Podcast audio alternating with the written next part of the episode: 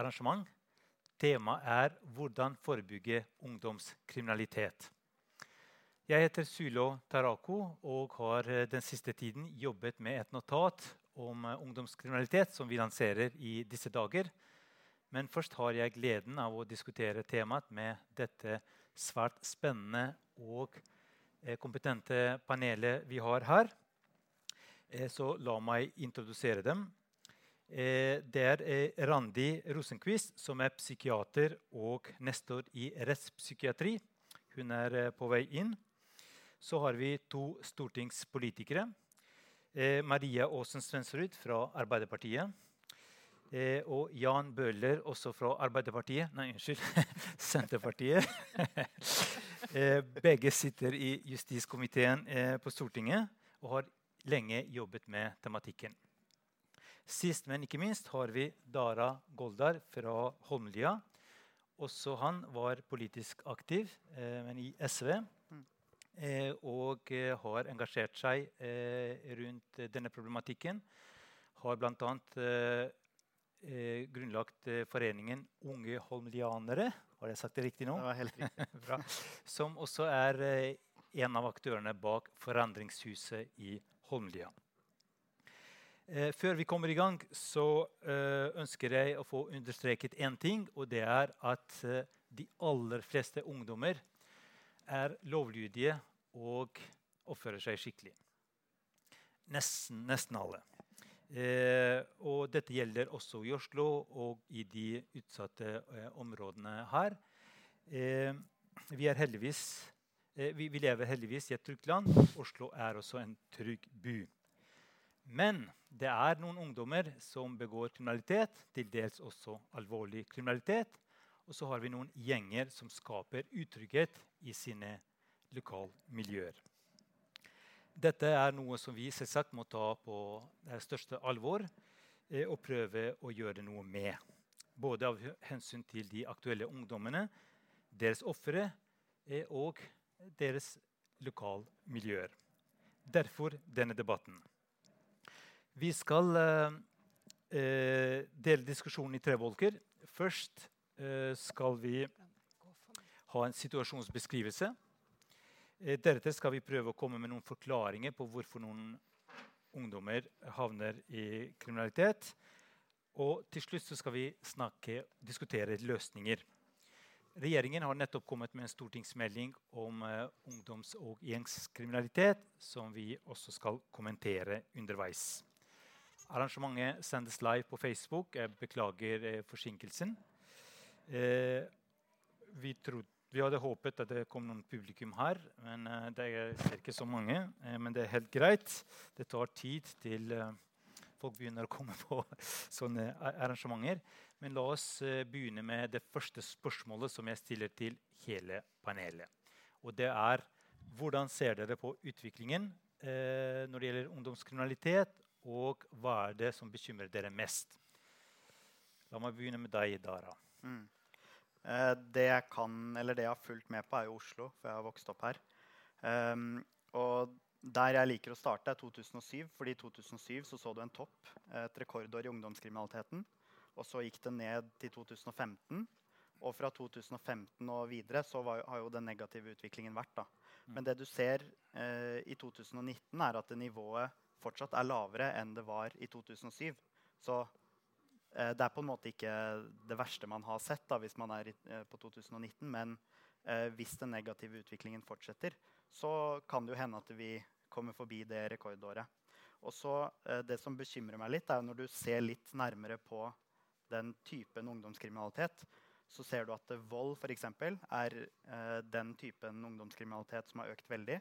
Og du ser at gjengangere doblet seg fra 2015 til 2019. Og knivstikkinger, som jeg tror man registrerte fra 2018 til 2019, det doblet seg. Og så kom jo korona og bevegelsesrestriksjoner og nedstengning og så. Og det gjorde jo at kriminaliteten gikk litt ned. Men hvis du da spør er det liksom en reell nedgang, at vi kommer til å fortsette å se den når vi letter på tiltakene, det tror egentlig ikke jeg. Jeg tror det er veldig mange unge som har betalt en høy pris for tiltakene, og at vi på en måte kommer til å se det i ungdomskriminaliteten også da. Så du tror ikke at uh, denne nedgangen vi har sett i 2020, er uh, en slags ny utvikling, men bare et sånt anomali? Bare pga. Ja, av korona. koronatiltakene. Da går vi videre til uh, Maria. Mm. Nei, jeg tenker jo det at det er jo noe som er splitter pine gærent i samfunnet vårt. Når vi ser at unge mennesker, barn, ungdom, blir alvorlig kriminelle, da har fellesskapet vårt svikta på et eller annet uh, sted. Fordi det skulle være sånn at uh, i Norge så burde vi ha et sterkt nok fellesskap, et sterkt nok samfunn, til å sørge for at vi ikke utsatte barna våre i så stor grad til at de endte opp med å bli alvorlig kriminelle. Uh, så, så, det tenker jeg er, er en liksom, wrapping av denne problematikken som tilsier at det, det, det, er ikke i utgangspunktet et problem for bare den enkelte, men det er et stort samfunnsproblem at vi har havna i denne situasjonen. Eh, og med den innfallsvinkelen så tenker jeg at eh, jeg ofte ønsker å debattere denne problematikken med å se Eh, hvordan havnet vi der? Hvor svikta vi? Hvor var vi når han og henner var fem år og sju år og tolv år, begynte på ungdomsskolen og ikke gjennomførte videregående? Hvor var fellesskapet vårt? Hvor var de som skulle være til stede og følge med på at dette gikk bra? Eh, og med den inngangen til tematikken så kan man også diskutere dette litt løfta ut av individnivået og inn i samfunnsperspektivet da, på problemstillinga. Yes, det skal vi komme tilbake til. Velkommen til deg, Randi. Godt Takk. å ha deg med. Ja, eh, Hva er det som bekymrer deg mest når det gjelder de utviklingstrekkene vi har hatt den siste Ungdom, tiden? Ungdom, gutter, har alltid begått kriminelle handlinger. Iallfall en del av dem. Men de aller fleste har havnet på bena igjen. Og det tror jeg ikke er situasjonen nå lenger. Og jeg er bekymret for de som blir De kommer unge inn i en kriminell løpebane. De gjør gjentatte kriminelle handlinger. Terskelen for vold er redusert, slik at det blir mer vold. Og dette syns jeg er ille. Og jeg tror, som Maria, at vi må løse dette på et veldig mye tidligere tidspunkt. Jeg meldte meg inn i partiet Sentrum i vinter. For vi har vært opptatt av å skape et samfunn hvor man unngår utenforskap. Men jeg er veldig bekymret for de barna som opplever et utenforskap fra barnehage og utover. Så vi må sette inn ganske mye for at barn skal bli trygge i sin oppvekst og føle at de hører til et, en sosial omgivelse, og ikke bare farter som ville ulver sammen med de andre i ulveflokken. Nettopp. Sentrum, ja. Ok, Så da er eh, sentrum venstre ganske godt representert her i kveld. Nei, ikke Senterpartiet. Nei, nei, nei men sentrum venstre, tenker jeg. Ja. Eh, mm. ja. Bra. Eh, Jan, eh, du har engasjert deg veldig lenge eh, og har ganske god oversikt over hva som rører seg der ute. Ja. Hva er eh, ditt perspektiv helt sånn innledningsvis på utviklingen? Det er jo, Jeg har jobba med unge i Oslo siden i hvert fall begynnelsen av 80-tallet. Og, og, har, eh, etter at jeg ble politiker, også fortsatt. Og jeg er jo med i idrettslag. Jeg er med uh, i, i, nærmiljøet og har mange uh, samtaler på uka med unge og sånn som henger rundt og roper på meg og ber om en prat. Og enten jeg er innom fritidsklubb eller andre andre ting. Da. Så jeg får et inntrykk av hva som skjer. Og det er jo at um, det er, eh, som Dara var inne på, mer uh, alvor enn noensinne. Fordi at er, jeg, er sikker på at vi har ikke tidligere opplevd at det er så mange som for går med kniv, og at så mange av voldshendelsene er, er knivstikkinger. Og det økte jo, selv om alt annet gikk ned i 2020, så økte andelen antallet knivstikkinger med et høyt prosenttall også i 2020 i forhold til året før. Og, så jeg tror nok den nedgangen også i 2020 henger mye sammen med at politiet trakk seg tilbake. Og da er det de alvorlige tinga som blir registrert, som knivstikkinger. Mens mindre forhold ikke på samme måte blir oppdaga og blir registrert da, når politiet pga. korona og alt sånt holder mer avstand til miljøene. Men kan vi si også sånn generelt at ja. det er mye som ikke blir registrert? Ja, altså det, det som jeg har sånn, kanskje det mine største sånne, i forhold til bekymringer i forhold til utvikling. Der det ene er eh, våpen, kniv og også andre, også skytevåpen og tilgjengeligheten til det. Mm. Og det andre er, er at eh, vi har eh, områder nå hvor folk, og særlig barn og unge, men også familiene, eh, har, har veit at hvis de tyster, som det heter, snakker med politiet, Mm. så er det, kan ting bli mye verre. Snitching, snitching eller andre ord som er enda øh, Mm. kraftigere. finner stadig på nye ord for det. Men eh, de har opplevd at folk blir banka opp, at eh, det blir kasta ruter gjennom vinduene. Nei, steiner mellom vinduene. Ja. Og at det skjer sånne ting. Så at eh, den, eh, den, de statistikkene, over, særlig over barne- og ungdomskriminalitet, når det kommer til sånne type forhold som at noen er banka opp, noen er frastjålet mobiltelefoner, verdisaker, altså frastjålet merkeklær det er, eh, De statistikkene der er eh, tror jeg det vi ser av registrerte ting, er bare toppen av isfjellet. For det de får beskjed om, de ungdom som blir rana eller blir banka opp, er går du til politiet, anmeld det nå, så blir det mye verre for dere. Og det har de eh, grunn til, dessverre, til å bekymre seg for.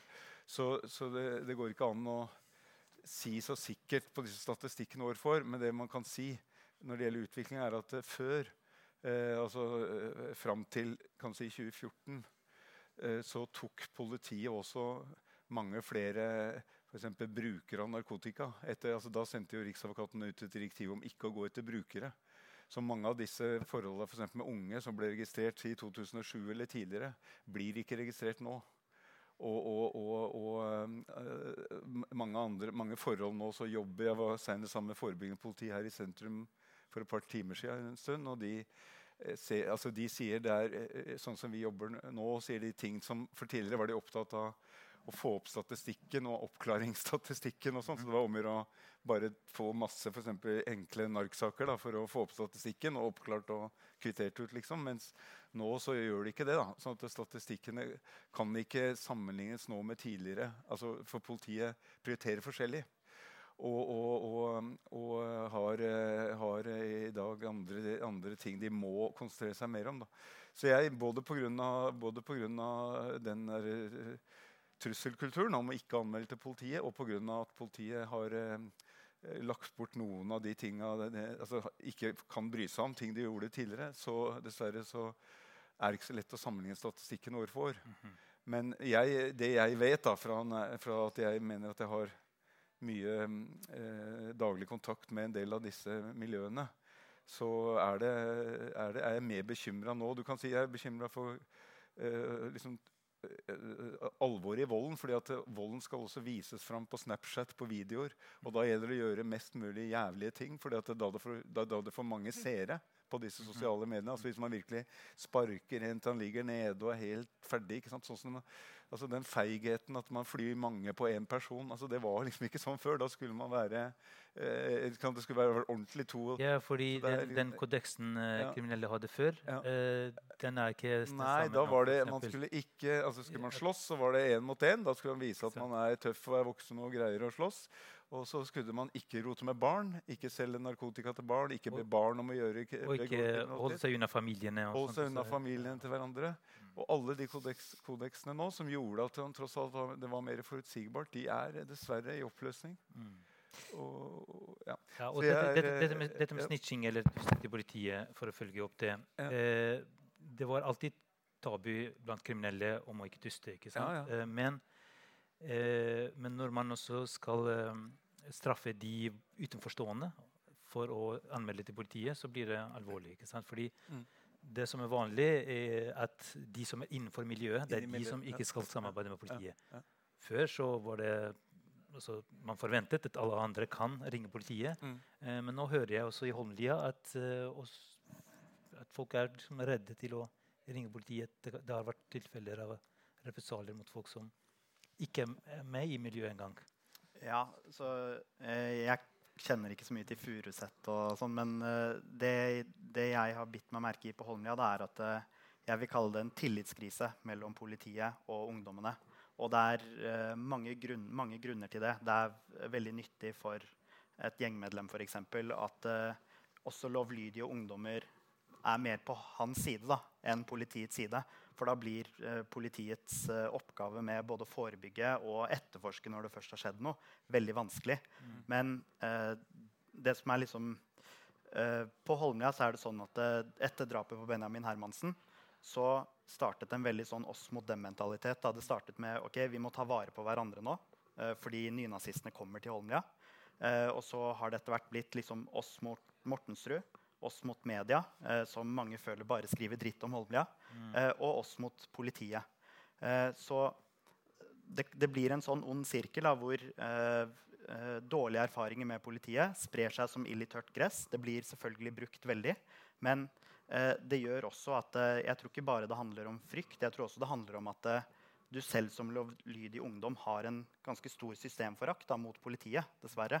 Og det, det gjør politiets oppgave veldig vanskelig. Da. Så det er ekstremt viktig å på en eller annen måte få bygd en bro der da, og få til mer relasjonsbygging der. sånn. Nettopp. Men det, det samholdet du snakket om, eh, det må jo være noe positivt med det også? Det-? At ja. man er stolt av å være fra Holmlia Mm. og stå sammen. og sånt, fordi samhold kan, kan også bidra til å forebygge en del problemer. ikke sant? Nettopp. Det kan, det kan absolutt det. Så å Men- men- på en måte få inn Vi hadde jo en lokal politipost med Jon V, lokal politimann. ikke sant? Og når han, når han gikk rundt på Holmlia, så hilste jo han på folk.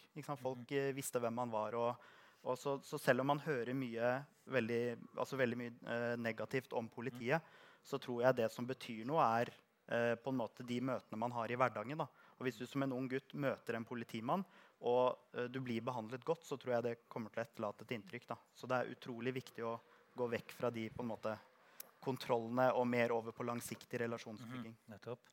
Maria hadde du lyst til å kommentere. Ja, jeg synes Det er veldig interessant det du sier der. og Det er jo noe vi har vært eh, opptatt av i fellesskap på Stortinget. Dette med at uh, politiet må kunne være til stede, nærværende, være til synlige på gata, være til stede i ungdomsmiljøene. Og så skal politiet opplagt ha sine virkemidler, sin uh, mulighet for maktutøvelse, sin mulighet, sånn som vi har foreslått, uh, Jan, uh, med å inndra disse symbolene, alt det som tilhører gjengledelsene, gjengene. Altså, alle disse virkemidlene må være på plass. Men jeg tror du er inne på noe. Noe av det viktigste vi kan ha, er godt kvalifiserte politifolk på jobb, ute i gata og til stede, forebyggende, som også Randi snakker om. Eh, og der ser vi jo at de kutta som Høyre og regjeringa har gjort nå over mange år til politiet, har svekka politiets mulighet til å være til stede ute på gata. Og ikke bare i Oslo, men eh, også i Horten og Tønsberg og der hvor jeg er fra. Og det, det er en svakhet eh, nå Fordi i politiet. når når politiet er sterkt til stede I, I Drammen så er politiet ganske, ganske mye til stede. Det er mindre by, mer, mer oversiktlig, men likevel. Og, og da snakker de ofte med ungdom Mm. uten at de har gjort noe galt. Bare Mm. for å bygge relasjoner og for å Nettopp. ha liksom ganske over, oversikt over hva som skjer. Mm. Du ønsket å kommentere? Ja, jeg er jo helt enig om dette som er blitt sagt om politiet og kontakt med politiet. Men jeg er jo opptatt av at man må etablere noen gode relasjoner før guttene blir åtte-ti år. Mm. Altså vi, Man går helt ned i oppveksten. Hvordan kan man få til et positivt miljø? Og hvordan kan skolene styrkes i å hindre folk i å plage hverandre og mobbe hverandre og ekskludere hverandre? Hvordan kan man utvikle et moralsk kompass? Mm. hos Og nå lyder jeg som en konservativ politiker, ikke sant? Med moralsk kompass. Men, men hvordan kan man utvikle barna til å bli ungdom som ikke har lyst til å være med på dette her? Eh, Dara nevnte at vi hadde en topp i 2007. Eh, og så gikk eh, ungdomskriminaliteten kraftig ned eh, helt til 2015. Og den perioden blir eh, gjerne kalt for en skikkelighetstrend. Der ungdommer eh, var, eh, oppførte seg skikkelig. Eh, var veldig mye hjemme, eh, inne. Spilte PlayStation mye. Eh, hjemmekjære. Eh, brukte mye, lite rus. Begikk veldig lite kriminalitet. Lite narkotika. Og noen til og med stilte spørsmålet hva har skjedd med ungdommen. Hvorfor har de blitt så snille? men så fikk vi denne endringen da, fra 2015. Så er spørsmålet eh, altså et brudd med denne skikkelighetstrenden. Eh, mer, mer bruk av narkotika, mer eh, kriminalitet og mer, mer vold. Eh, det, finnes det noen forklaring? Eller er det et tilfeldig bølge vi ser? Eller er det noe som har skjedd? Er det ikke mer polarisering? Vi så har stadig noen ganske skikkelige unge mennesker. Og så har vi noen som er mye mer uskikkelige enn tidligere. Ja, ikke sant? for det er alltid uh, noen få. Uh, Mm. men, uh, men statistikken viser at dette er også ganske generelt. Da. Eh, fordi Mm. bruken av cannabis har økt. Mm. Eh, ungdommer er mindre fornøyde nå. Trives, trives mindre på skolen. Eh, så de, det er en rekke faktorer. fordi vi, når jeg ser på eh, jeg, jeg ser både på politiets registreringsdata og selvrapportering fra, eh, fra ungdommene selv. Eh, Ungdataundersøkelsen og sånn, som, som man ser en sånn variasjon. Men vi har jo sett en annen trend i samfunnet samtidig, og det er jo at forskjellene øker mellom folk. Og at vi får større ulikheter i samfunnet vårt. Det er større forskjell på dem som har foreldre som er i jobb og ikke Mm. er i jobb. De som har foreldre med utdanning og ikke utdanning. Og vi ser at det gjenspeiler seg i barna. Og det, det tror jeg jo er med på å forklare også utviklingen i ungdomskriminalitet. Og så Mm. tror jeg det bildet som vi så i den skikkelighetsperioden, Mm. Det er jo ikke pga. Uh, nødvendigvis tiltak som var satt inn der og da. Det kan jo ha vært det også, altså i forkant at man forebygget kriminaliteten tidligere før det osv. Men det er jo selvfølgelig også en, en konsekvens av hva skjedde fram til de var 12-15 år. ikke sant? Ja. Hvordan uh, trøkk var det som var Ja, på forebyggingsarbeidet da? ja. Men jeg, jeg tenker nok at eh, hvis man ser på ulikhetsstatistikken, så vil eh, det kunne gå ganske greit uh, for, være forståelig sett opp mot ungdomskriminaliteten. Ja, Men jeg, altså, som jeg sa i stad, så tror jeg man skal være litt forsiktig med å eh, overbruke statistikken på det feltet her. Mm -hmm. fordi at, eh, som jeg sa, så, så endra politiet har endra mye arbeidsformer. Og hva som da blir registrert kriminalitet, det er veldig forskjellig fra den Ja. perioden eh, eh, fra 2000 til egentlig 2014. Og, Men også selvrapportering, fordi det er sånn, kurvene Ja. ser like ut. Så det, Ja, det må være en reell kan- eh, du- endring. Du, det er. Nei, jeg, altså, jeg tror også på at eh, jeg, jeg tror det er eh, noe reelt. Men så tror jeg også man, hvis man vil gjøre det ordentlig, så må man se på at politiet på den tida man snakker om, eh, Mhm. fra 2000 til eh, etter hvert i mindre grad, men at man produserte mange små saker. da. Mhm. Fikk, og, og, og det var kjent at man for produserte veldig mange narksaker. For å, og fikk opp statistikkene mot slutten av året på oppklaringsprosent og alt mulig. Og mange flere unge ble da tatt for, for enkle narkforhold for besittelse eller sånn, enn det som man ble etter 2014. For i 2014 sendte Riksadvokaten ut et direktiv om at man ikke skulle gå etter de, altså brukere og besitt, besittelse.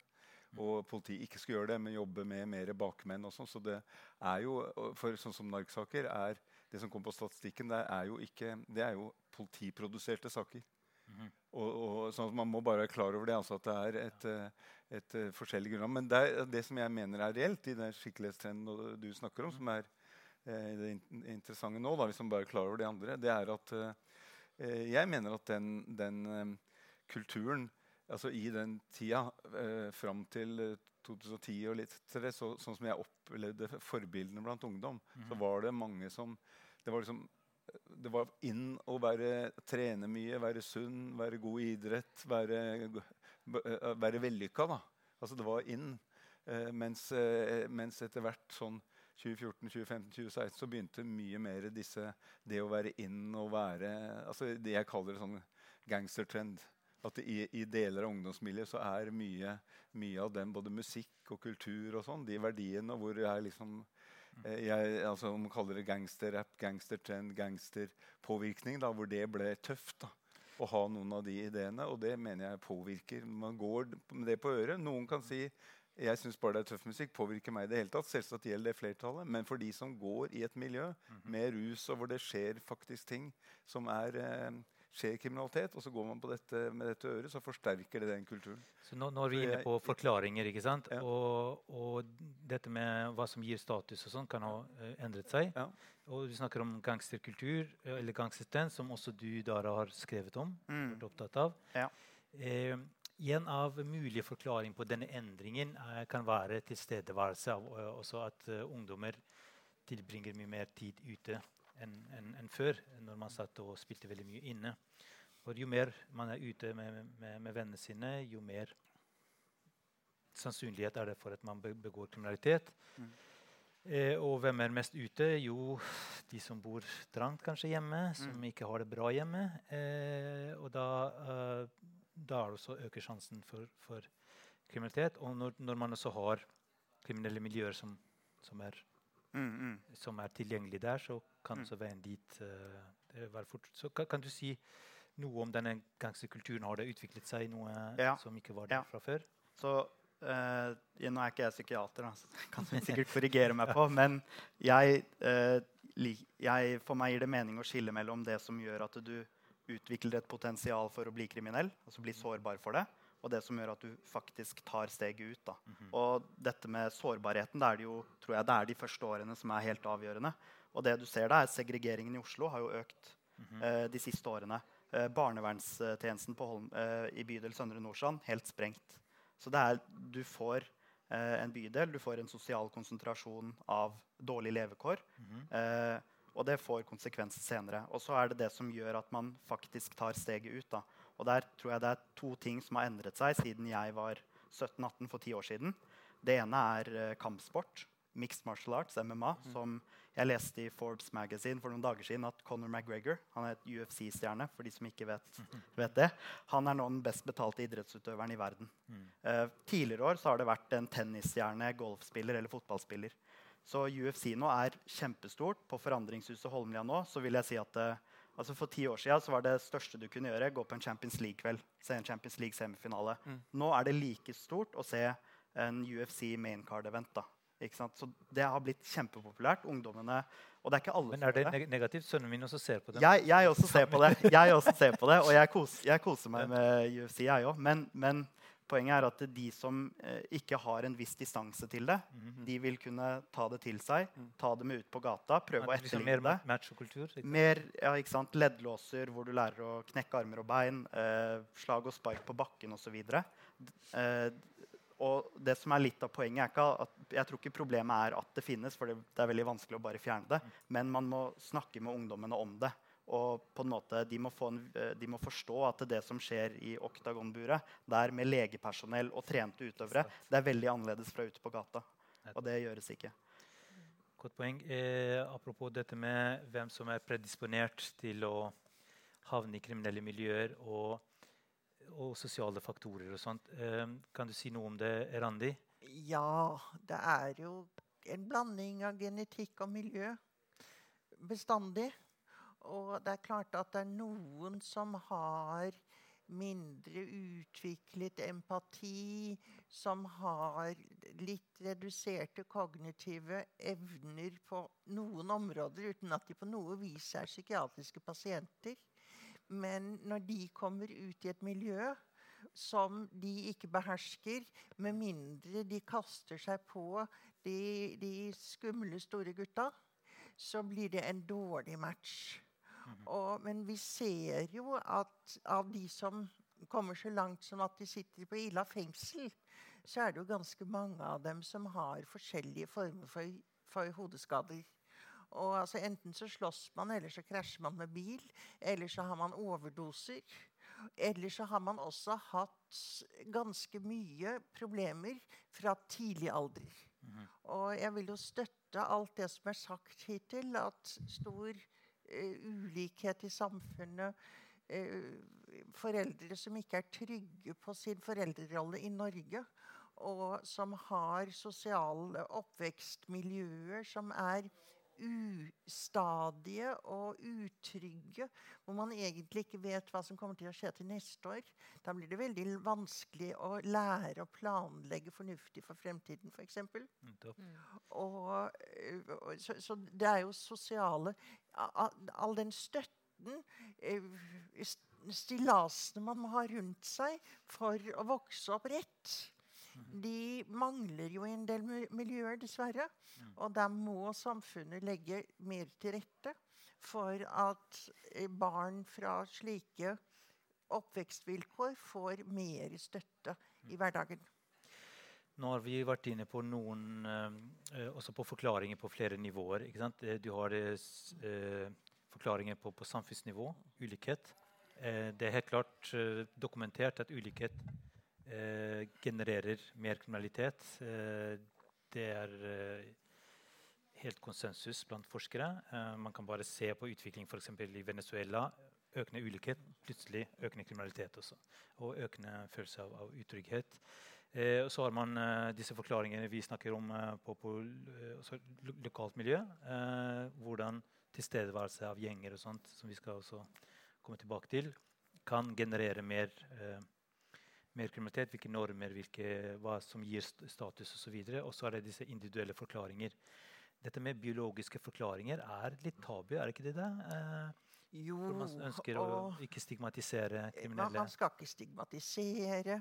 Og eh, det å forstå kriminell atferd som en hjerneskade, det er jeg ikke villig til.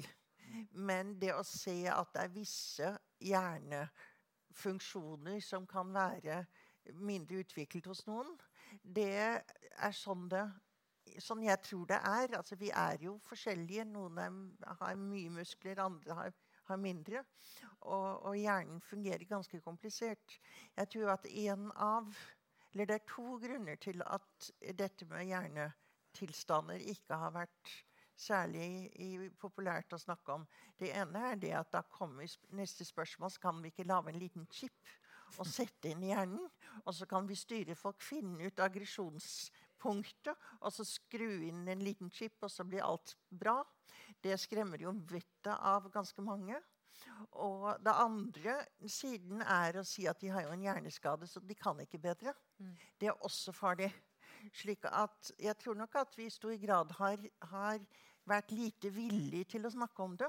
Men jeg syns at det er riktig å tenke at det er noen som er biologisk mer sårbare. Mm. Og de må vi hjelpe og støtte.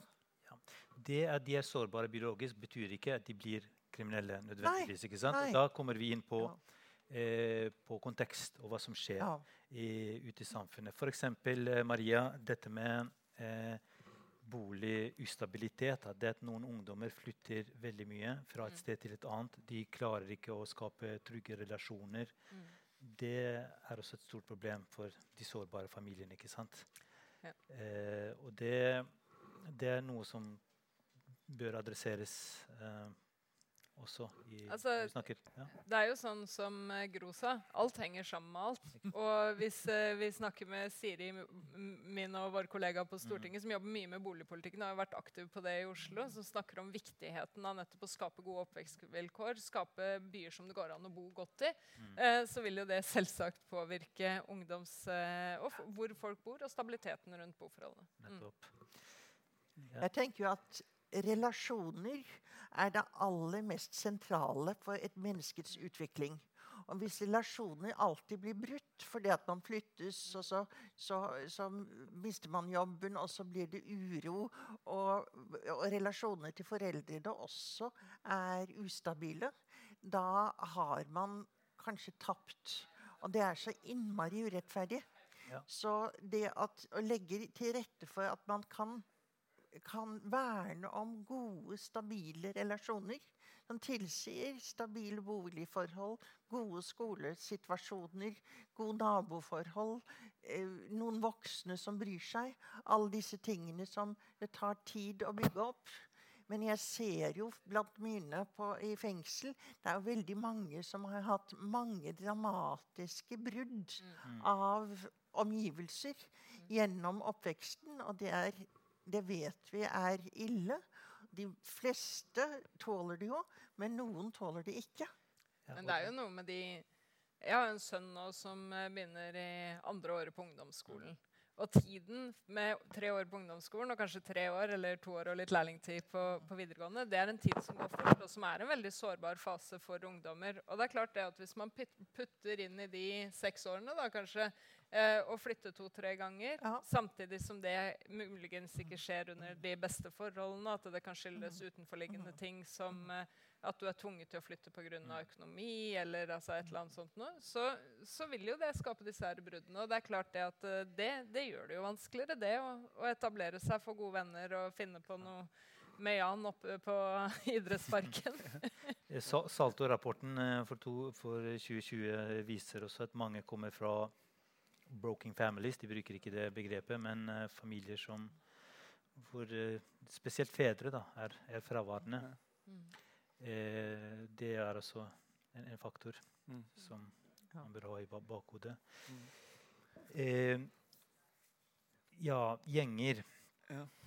Eh, det skaper eh, også utrygghet eh, fordi gjengene eh, på en annen måte enn enkeltstående eh, unge kriminelle eh, utfordrer på en måte både politiets voldsmonopol eh, og ja, tilliten til politiet og trygghetsfølelsen og sånt. Fordi det som skjer med gjenger, er at eh, de kan eh, de kan operere ved skoler, ved, ha kontroll over noen gatehjørner her og der. Og, eh, og du Jan har ganske god oversikt over gjengkriminaliteten i Oslo. Eh, og det som er vanskelig å, å få oversikt over, er på en måte omfanget av eh, gjengkriminalitet, fordi det opereres med ulike definisjoner. Eh, politiet virker som er ganske sånn forsiktig med å bruke ordet gjeng. De opererer med litt sånn forskjellige underkategorier og sånn. Kriminelle grupperinger, gategjeng og, og sånt. Mm. Eh, kan du si noe om det, hvor skoen trykker, hvor er det mest aktivitet? Hva er det som bekymrer deg når det gjelder gjengutviklingen? Ja. Det er altså forskjellige typer gjenger eller grupper. Altså det er jo eh, de som er ute på gata, det er jo ofte ungdomskriminelle grupper. Som er eh, det som bekymrer meg mest nå. Fordi at det er eh, sånne grupper som driver og har, bygger opp et territorium hvor de selger narkotika for noen bakmenn. Eh, og der de har volds eh, liksom, Der de krever inn penger, de banker opp folk som prøver å gjøre noe som ikke dem liker der. Mhm. Og de har, eh, har en, får liksom et rykte, en status i området, at her, vi, her er vi. Mhm. Og de har ofte, altså de bygger opp en kultur, f.eks. de legger ut sånne voldsvideoer, altså er gangstervideoer. da.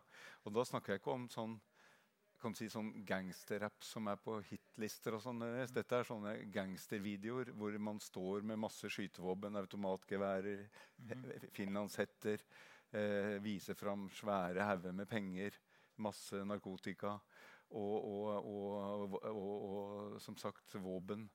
Eh, og det, er, en type Hyllestad Altså jeg, jeg, jeg sier at eh, hvis man hvis man eh, vil rakke ned på sitt nærmiljø, så lager man en sånn voldsvideo fra, f.eks. Mortensrud eller Holmlia eller Furuset eller Lørenskog eller Stovner Vestli og legger ut den. Og de videoene der, noen av dem er sett i 90 000-100 000, altså enda mer. Og, og, så, så at de bygger opp en identitet rundt sånn at vi, her er vi gutta på det stedet eller det stedet mot de andre. Og så inngår de i forskjellige allianser. For eksempel, hører du liksom allianse, så er det allianse Tøyen, Stovner, og så er Så er det rivaliseringer også. Mortens, Eh, ja, så er det Mortens og dem, og det er da mot andre. Mhm. Og så er det, og så er det, er det sånn at de altså Det som bekymrer meg, er jo at eh, de unge som henger ute, de, eh, de Hvis de skal føle at de er liksom en av gutta Dette er ofte gutter. Eh, jenter kan også Men hvis de skal være en av gutta i det området, eh, når jeg snakker om disse områdene her, da, så må du nesten være med i den gjengen. Ha et forhold til dem for å være trygg ute. Mhm. Altså for Så- å henge, både- henge ute. Så er dessverre, altså Nå høres det kanskje ut som jeg tar i, men det er dessverre nå en tendens som bekymrer meg. At de familiene som passer på barna sine, ikke vil at det skal havne opp i noe problem. De kjører barna til fotballkamper. Kjører dem på trening. Og, og så, Da får du virkelig et klasseskille. ikke sant? Da får du virkelig forskjeller i samfunnet hvis, hvis vi får områder i byen der barn ikke kan leke trygt ute. Mm. Ja, der foreldre føler i hvert fall at det er utrygt og har sine grunner til det. For det har Mm. skjedd ting. Og, og, og, og der, der, det er mye politi eh, som må være til stede, men som ikke er der hver dag, men rykker ut når det skjer noe. Og som da ofte får en konfrontasjon med disse ungdomsgruppene. Og, og, og der det er kniver i det miljøet veldig raskt. Og jeg har jo vært til stede når noen er blitt drept med kniv. Ikke, sånn, ikke til stede når du ble drept, men etterpå og snakka med hva som har skjedd og hvorfor. og sånn. Og det skal ikke store konflikten til før kniven kommer fram, og det blir livsfarlig. da, Mens det tidligere var en slåsskamp. Mm. Og, den, eh, den, så den tendensen som bekymrer meg mest nå, er at disse ungdomskriminelle gruppene Nå tenker jeg på gateplanet. Der er det ikke gjengene, for de er bak der. Mhm. Men disse ungdomskriminelle gruppene dem er flere steder i Oslo nå enn jeg noensinne Så det kan, har være, sett. det kan være små grupper? Man kan ikke sammenligne situasjonen nå med den som var for 15 eller 10 eller, mm. altså år siden i forhold til antallet ungdomskriminelle grupper. Mm. Og da snakker jeg om, altså Nå kunne jeg ramse opp nesten alle steder på østkanten hvor jeg kjenner til sånne grupper. Og, hvor de er, eh, og de brukes jo av noen eldre bak som leverer eh, narkotika, har infrastruktur og sånt til dem. Mm. Men, men antallet av de gruppene, og som da ofte havner i konflikt med hverandre Jeg var for nå i, med forebyggende politi i gamle Oslo bydel nå i forhold til hva som skjer her. og der har liksom det skjedd at eh, Eh, tidligere så var det et, et, et, et, eh, voksent gjengmiljø som kontrollerte si, Tøyen, Grønland, gamle Oslo og omsetningen av narkotika og kriminaliteten der.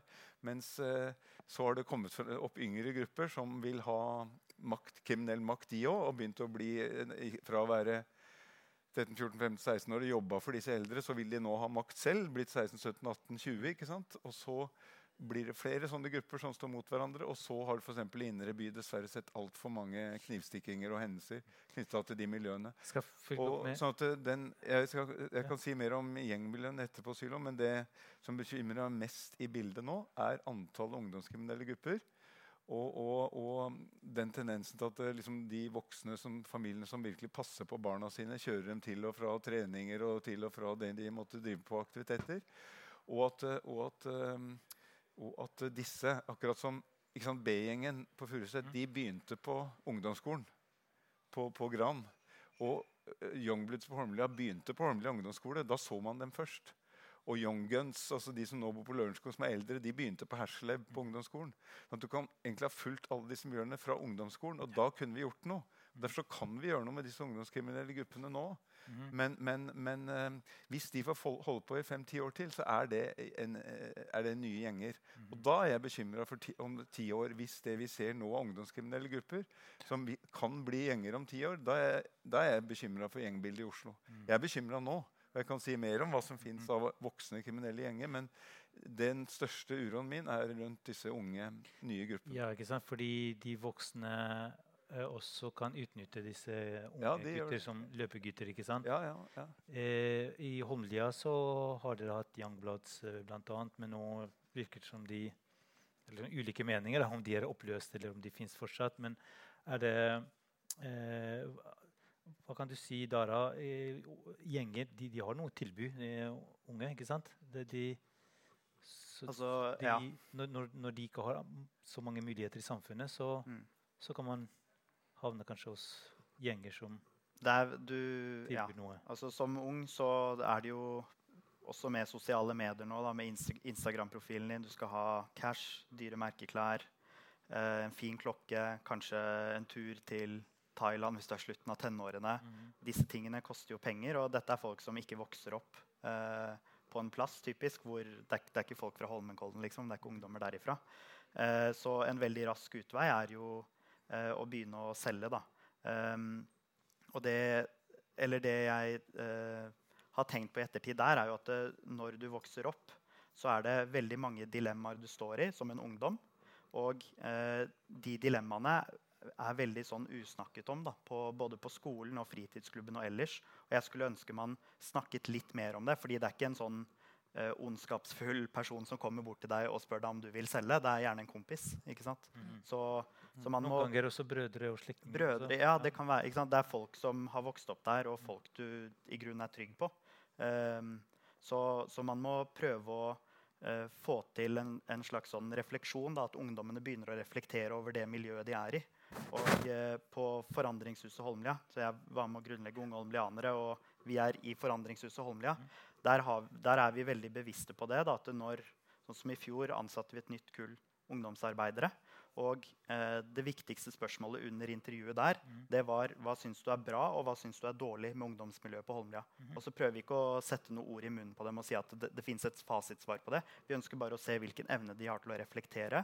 Fordi Hvis de har det, så kan de gå inn på ungdomshuset og da bidra til mer refleksjon og også være gode forbilder, som det har vært litt for få av. Eh, mener jeg. Det høres veldig bra ut. Randi hadde lyst til å kommentere. Ja, det er én ting som har plaget meg, og det er når man ser søstrene til disse guttene. Mm -hmm. De har også vokst opp i dette miljøet. Og, men søstrene blir passet på på en annen måte. Og søstrene får jo til dels høyere utdannelse, mens gutta eh, farter rundt og er destruktive. Og, og det eh, eh, Jan sier at, at, det er de foreldrene som bryr seg og kjører sine frem og tilbake. Men det er jo altså de, alle foreldre, Ikke alle, men, men, svært mange foreldre klarer jo å ta vare på døtrene sine. Og hva kan vi gjøre for at sønnene skal få som, sam, samme oppdragelse? Det, det syns jeg er noe som, som man må ansvarliggjøre de voksne som har det vanskelig, som har lav inntekt, som har usikker og anstrengende arbeidssituasjon, har kanskje litt flere barn enn de, de orker å forholde seg til. Mm. Men hvorfor får, lar man guttene eh, eh, rase rundt i nærmiljøet, mm. mens døtrene sitter hjemme og, og lager mat? Ja, eh, så du, du, snakker om, om sosial kontroll. Eh, når, når ja. du snakker om sosial kontroll, så tenker vi Det er ganske sånn negativt ladet begrep, men egentlig så trengs det mer sosial kontroll. Men da har vi en skjevhet. Mer sosial kontroll over guttene og litt mindre ja, over ja. jentene. Altså, jeg mener definitivt at ja. problemet er at guttene ikke har tilstrekkelig og riktig sosial kontroll. Kan du, ønsker du å kommentere det? Eh, Dara, fordi sosial kontroll og ære og sånt er også en del av bildet der, og du har vært opptatt av det også. Ja. Eh. Så det er den, uh, sak, en sak som har vært mye omtalt i media, det er jo Mohammed-saken. Om han uh, 16-åringen mm. som hadde en relasjon til en jente. og så Storebroren konfronterte han med det, slo han ned, og så havnet han i koma og døde senere. Og både liksom, i etterkant av den episoden og i rettssaken, som var vel i januar i fjor, så så man jo det var veldig få som turte å eh, vitne. Eh, det ble ikke, I lokalmiljøet så var det egentlig ingen som stilte noe spørsmål om okay, hvor mm. eh, omfattende er dette problemet. Eh, og hvordan er det man følger opp ungdommene som da står i eh, det dilemmaet med eh, Skal man snakke med politiet, eller skal man ikke la være å Da er vi tilbake til dette, dette med, med tysting og, og tillit. Mm. men det passer nå kanskje også å stille spørsmålet om om en del av ungdomskriminaliteten har som med integrering å gjøre. Også at det er et integreringsproblem. Eh, når jeg ser på statistikken, så, så er innvandrere eh, generelt eh, overrepresentert i kriminalstatistikken. Eh, noen, det er sammensatt. Noen grupper er overrepresenterte, andre er underrepresenterte. Men det interessante er at eh, det samme mønsteret ser vi blant etterkommere. Eh, også barn av, av innvandrere. Eh, og dette er et sensitivt uh, tema. Uh, hvor mye skal man se på slike uh, altså de, de, demografisk profil? og mm. Det er ulik praksis i ulike land, men vi har nå fått SSB, en SSB-rapport mm. som viser litt hvem som begår kriminalitet. Og Salto-rapporten også viser etnisk tilhørighet og sånt. Eh, er det, jeg kan begynne kanskje med deg, og så kan du følge opp, eh, Maria. Er det, eh, er det tabu, og bør det være tabu, eller bør vi, bør vi være mer åpne på, på, dette med overrepresentasjon og snakke om, mm. om, det, om denne problematikken også i lys av integreringsutfordringer? Ja, så jeg tror mye av diskusjonen handler egentlig om kultur der. Eller, og kanskje biologi også, men det er vel enda mer tabu. men hvis vi starter med kultur, da, så tror jeg det er to perspektiv på kultur mm. uh, som jeg har sett kommet veldig tydelig, tydelig fram i SV. Og det ene er at kultur er veldig tett knyttet opp mot identiteten til en minoritetsgruppe. Så tett at hvis du kritiserer trekk ved den kulturen, så er det et angrep på den minoritetsgruppen. Da. Man er redd for at signaleffekten blir at det, eh, det er minoritetsgruppen som er problemet. Så Det er det ene perspektivet. Det andre, litt med der jeg kommer fra, er at eh, du kan ofte ha individer i minoritetsmiljøene som er ofre for den kulturen. Og hvis man da tenker fra eh, rettigheter, hvilke rettigheter eh, f.eks. FNs barnekonvensjon, hvilke rettigheter disse ungdommene har, så må man som storsamfunn eh, kritisere det og, ehm, og, på en måte klare å ivareta rettighetene til de ungdommene. Da. Og jeg har ikke sett noe Selv om eh, det første kulturperspektivet da, med at det sender en veldig dårlig signaleffekt Jeg har ikke sett noe bevis for det. Så jeg er veldig overbevist om at en åpen og ærlig diskusjon om disse tingene er utrolig viktig. Nettopp. Eh, Maria, ønsker du å følge opp? Ja, jeg jeg syns egentlig ikke det er så vanskelig å diskutere. Og vi trenger ikke å gå helt sånn darwinistisk til verks her. Altså, det er noe med det at man kan jo Eh, jeg har jobbet, ikke sant? Jeg er fagarbeider barne og ungdom, og så har jeg utdanna meg litt etter det også. Men det jeg har sett når jeg har jobba i en barnehage, det er jo at du ser jo hvilke unger som kommer til å få utfordringer. Og det er jo helt uavhengig av eh, hvordan hudfarge man har, eller hvor man bor. Altså, men det er lett å se hvem barn er det vi bør ha et ekstra fokus på, og vi bør integrere. Og uavhengig om du har vært norsk i ti generasjoner eller ikke, så kan du ha behov for integrering i det lokalsamfunnet du bor i. fordi at det kan handle om er mamma og pappa på jobb i det lokalsamfunnet. Har mamma og pappa utdanning på likt nivå som de andre naboene i lokalsamfunnet? Nei vel, kanskje ikke det var sånn. Nei, men da har man behov for å gjøre et ekstra innstøt på integrering, uavhengig av hvor lenge du har bodd i landet. Ja. Eh, og så, sånn at det, som i hvert fall innenfor barnevern, innenfor uh, mitt uh, fagområde, så, så, tenker jeg jo det at når vi ser unger som sliter, så, så, må man jo se hele miljøet rundt det barnet. Og så må man jo ikke drive og dele opp ungene. Ja, du har Pål. Her har du Pål som er på skolen, så har du Pål på fotballen, så har du Pål hjemme. Nei, men Pål er jo den samme overalt. Og da må et helt nettverk av ansvarspersoner rundt han bidra. Og det er integrering i praksis. Og, og det, det, som det som jeg kanskje blir litt sånn fortvila over, er at vi hele tiden leter etter sånne quick fix. Mm. Men, men, det fins ikke sånne kjempeenkle løsninger på denne ganske alvorlige problematikken. Vi kan ikke bare si, altså Det er et godt forslag at politiet skal kunne beslaglegge mer. Ja, det er fint. Så kan vi diskutere EK og vi kan diskutere områdebegrensninger. Men det blir ikke billig og enkelt. Dette er dyrt og vanskelig. Det handler om universelle, gode løsninger og et sterkt integreringsarbeid for alle unger. Når vi snakker om fattigdom for eksempel, som, som, en forklaring, så er det sånn mange er fattige, men blir ikke kriminelle likevel. Samme med, med innvandring og integrering. Du har de samme faktorene. Man kommer fra samme land, man er også fattig, og sånt, men noen blir kriminelle, andre blir ikke kriminelle. Hvordan skal vi eh, kunne snakke om dette Randi, uten å, uten å stigmatisere, men samtidig skal, hvordan, eh, gi politikere og andre et godt grunnlag for å kunne ha treffsikre tiltak.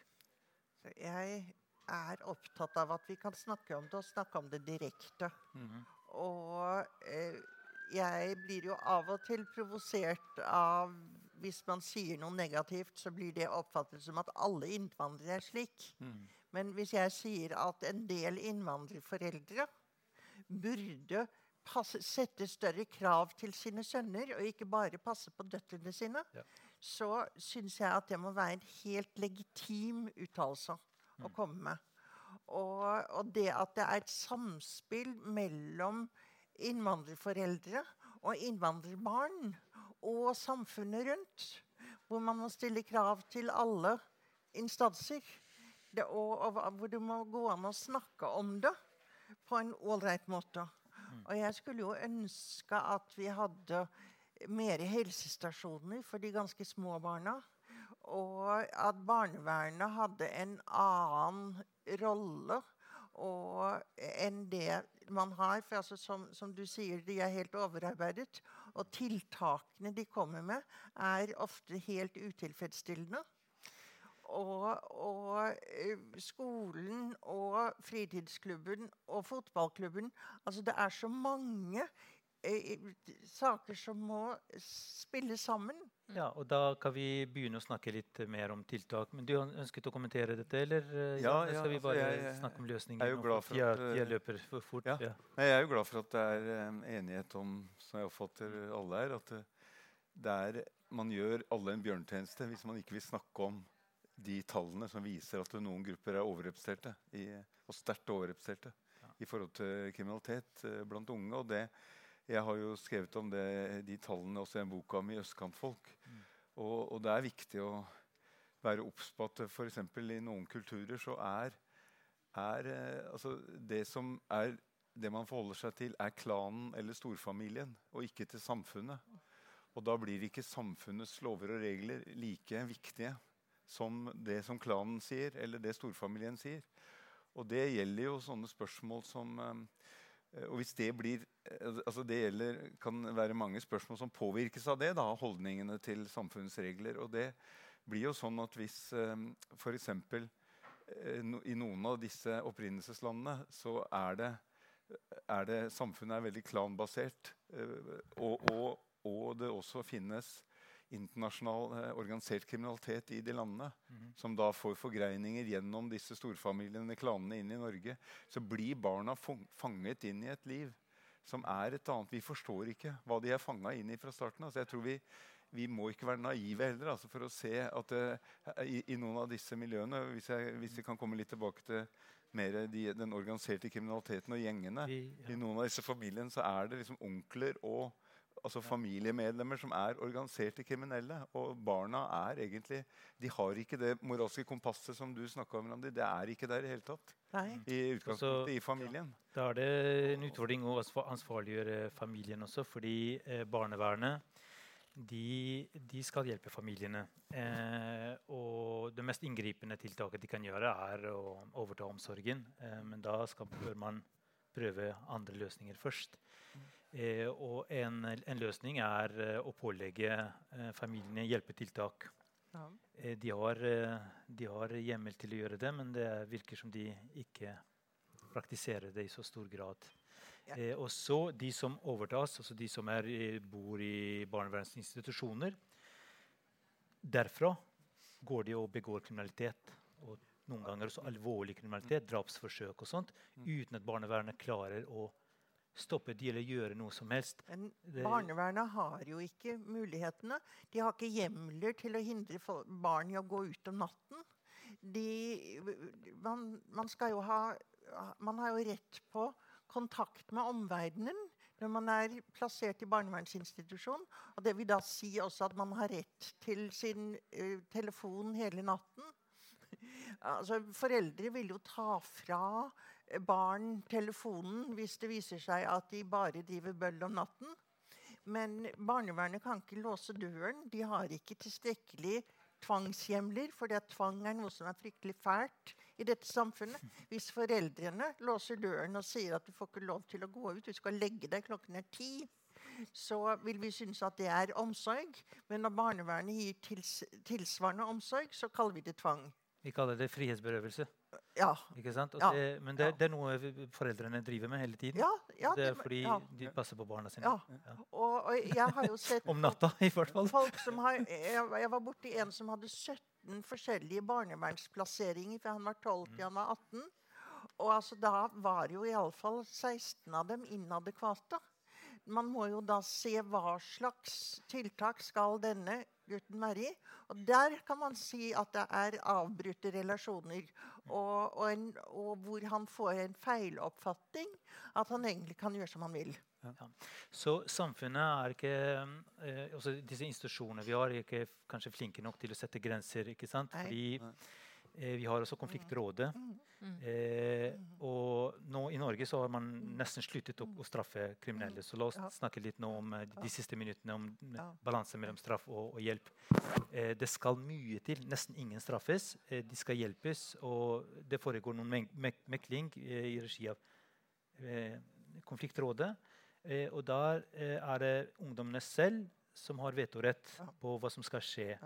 Eh, kan du si noe Maria, om eh, erfaringene fra disse ordningene? Fordi Mm. eh, når denne endringen trådte i kraft i 2015, så fikk vi også en økning i ungdomskriminalitet. Det trenger ikke å være en så- årsakssammenheng, Mm. men noen vil si et stor fortjeneste kombinert med lav risiko Mm. er en uheldig kombinasjon når det gjelder kriminalitet. At du, du kan gjøre hva som helst uten konsekvenser. Ja, altså Jeg er helt overbevist om at hvis folk opplever at de kan gjøre hva som helst, og det ikke får konsekvenser, så kan en del folk finne på å gjøre hva som helst. Altså Det tror jeg ikke det er noe tvil om. Og, og bare for å, å fullføre også det, det er klart det at et barn som har levd et veldig brutt liv, kommer i en barnevernsinstitusjon, vil antageligvis ha behov for helt andre rammer enn min sønn. Jeg trenger ikke å låse døren for at han ikke går ut på natta, for jeg gir beskjed om at han ikke skal ut på natta. Altså Det er jo normalen. Men disse barna har ikke levd under en normal og trenger en helt annen form for ramme. Eh, men for eh, konfliktrådene og dette eh, ungdomsoppfølgingen og sånn jeg tror, altså Vi har kriminelle ungdommer i hele landet. For noen så kan det funke veldig bra. Men jeg tror at, eh, og her er jo Jan god på å beskrive de kriminelle ungdommene i Oslo, gjengene, de på gata og sånn der. Der må det kanskje andre virkemidler til. Men fra det å si som jeg opplever Jeg, har ikke fått lest gjennom stortingsmeldingen til regjeringen. De kommer jo med den på tampen av en periode. Kommer jo ikke til å, altså Vi må jo gjøre noe med det. Men, eh, men, men som de er sier, å bare fjerne frivilligheten totalt, det tror jeg ikke nødvendigvis er noen god løsning. Men vi burde se på andre, eh, kanskje mer inngripende saker. Og der sier Arbeiderpartiet i hvert fall tydelig vi har ungdomsenhetene. Og hvis vi snakker om varetektsfengsling av ungdommer i påvente av at man skal finne et eller annet oppfølgingstiltak, så tror jeg Og dette, dette har jeg ikke forankret spesielt godt, for dette er nye tanker som kommer nå. Men, men da tror jeg vi må vurdere å benytte ungdomsenhetene også til den type eh, plasseringer. Ja. Eh, fordi barns rettigheter og barns sårbare tilstand Jeg vet at det, det er alvorlig kriminelle folk, men de har fremdeles spesielle rettigheter som unge. Ja, for Jeg har snakket med alle dere i forkant også, i forbindelse med, med dette notatet. Og når jeg ser litt på den trege reaksjonen, eh, og så ser jeg på fristene de ulike instansene har Mm. Selv hvis alle overholder sine frister, så kommer reaksjonen veldig sent. Du har ikke sjans til å reagere umiddelbart Mm. etter, etter at ungdom har begått alvorlig kriminalitet. Den eneste muligheten er faktisk varetekt. Mm. Eh, en uke, f.eks. Eh, men så er det omstridt. ikke sant? Eh, du sier hvis det er tilrettelagt, så kan man diskutere det. Ja. Randi? Du, Jeg syns varetekt må være på sin plass i flere tilfeller enn det der. Mm. Og jeg syns jo på mange måter at det er et paradoks at kriminalomsorgen er den eneste offentlige omsorg som har lov til å låse en dør. Ja. Og det å, å få en mann inn, få ham avruset og få noen forstandige mennesker til å snakke med ham, at det kan være mer hensiktsmessig enn å henvise til noe samfunnstjeneste som man blir innkalt til om et halvt år. Og jeg har jo snakket med ganske mange kriminelle hvor jeg spør eh, hvor mange ganger er de dømt. Mm. Og så sier de tre. Og så sier jeg ja, men jeg ser jo at du har fem-seks dommer.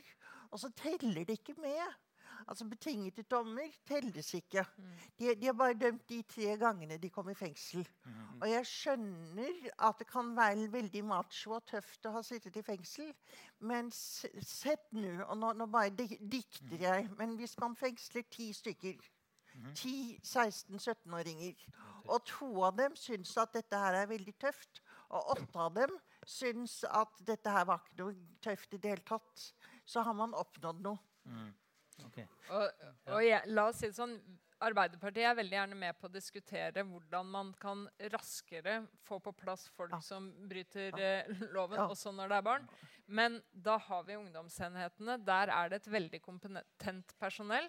Vi har mulighet til utvidelse rundt det, også for den type varetektsfengslinger. Men jeg ønsker å understreke for Arbeiderpartiet så er det helt uakseptabelt å sette barn i høysikkerhetsfengsel for voksne mannfolk, uavhengig av hvor lang tid den er. Det har vi ungdomsenhetene til. Veldig bra. Vi har veldig lite også ha så en det rask eh, tur på påtalemyndigheten. Det er ikke så langt det er. Så, sånn at påtalemyndigheten ikke samler på alle sakene Mm. for å ta det opp til neste Ja. år. Det kan Dara, du hadde lyst Ja, til eh. Når det gjelder dette med straff og sånn, så er for meg er det et dilemma da, med at eh, jeg, reaksjonen må være rask. Det er veldig viktig. Mm. Så der er jeg helt enig.